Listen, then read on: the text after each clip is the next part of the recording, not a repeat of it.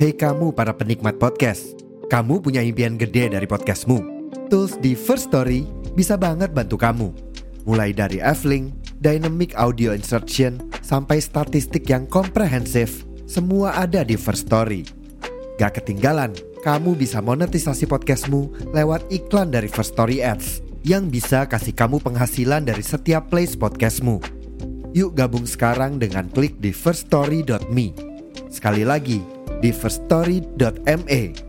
Mari kita bawa mimpi podcastingmu menjadi kenyataan.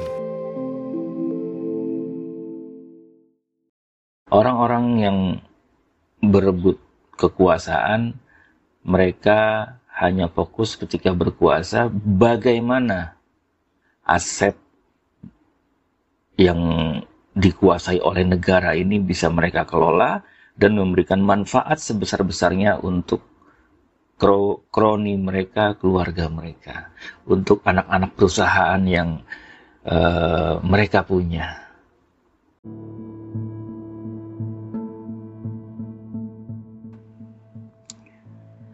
Pemilu 2024 masih ya dua tahun lagi lah ya, tapi suasananya udah kita mulai rasain nih, terutama di media sosial di berbagai platform sudah mulai tuh orang-orang yang tidak suka dengan sosok tertentu mulai mengkampanyekan hal-hal buruk tentang orang tersebut dan sebaliknya. Dan kalau kita ambil pelajaran dari dua pemilu ke belakang deh minimal. Ini uh, buat gue sih suasana politik masyarakat atau bangsa kita ini goblin banget ya. Kita begitu mudah dipicu amarah, kita begitu mudah dibikin berantem, ribut ya sama teman-teman kita, sama keluarga kita yang berbeda pilihan politik. Padahal ributnya kita, berantemnya lu, marah-marahannya lu tuh enggak nggak ada manfaatnya buat kehidupan sehari-hari. Lu juga tetap nggak punya rumah, lu tetap mahal bayar li cicilan listrik, ya, cicilan kendaraan lah, motor apa.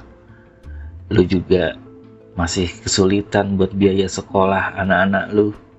Mahalnya bukan main buat uh, BPJS juga lo masih mengharapnya yang gratis ya nggak sanggup lo bayar biaya kesehatan yang mahal kalau nggak ada BPJS jadi mereka punya kuasa yang menang berkuasa tapi nasib lo baik pendukung yang menang maupun yang kalah sama sama-sama miskin. Goblin kan? Lo sama-sama susah. Hidup lo nggak berubah ya sehebat apa pun semerasa berjihad apa pun lo kemarin di dua pemilu sebelumnya sekarang lo tetap aja bener-bener kayak cebong dan kampret nggak punya tempat tinggal yang tetap nggak punya hidup lo nggak dijamin keamanannya kenyamanannya yang mendapatkan kenyamanan itu ya cuma para politikus yang mengadu domba lo semua. Pemilu ini kan mestinya menjadi sebuah proses politik yang membuat bangsa kita semakin besar, semakin bijaksana, semakin memberikan hak-hak terhadap rakyatnya.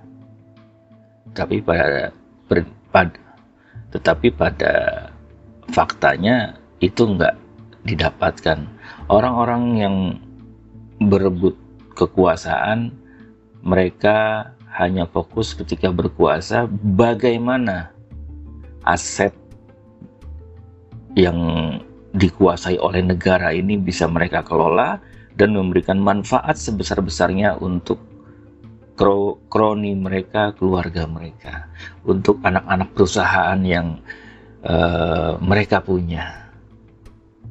Kayak gitu. Jadi nggak ada lo jangan GR kalau orang yang lo idolakan itu akan menjamin kehidupan lu dan anak-anak lu nanti. Enggak. Mereka juga punya anak-anak dan cucu-cucu yang lebih mereka pikirin ketimbang anak cucu lu.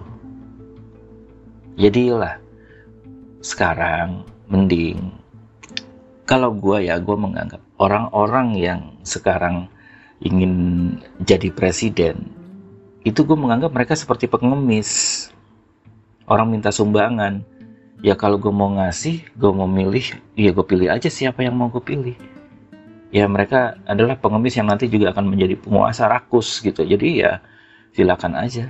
Gue tinggal milih. Jadi nggak perlu uh, eh, gue jadi nggak suka sama orang lain yang sesama penyumbang karena dia nyumbang orang yang beda. Itu kan pilihan selera masing-masing. Gue nyumbang suara ke A temen gue ke B. Ya ya udah kita sama-sama nyumbang pengemis sama-sama menyumbang orang yang gila kekuasaan yang kalau nggak dapet kekuasaannya gila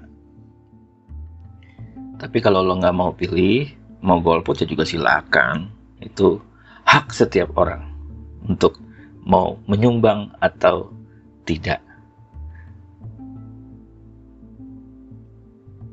Jadi ya sudah ya. Jalanin pemilu 2024 dengan lebih waras. Jangan goblin terus lah.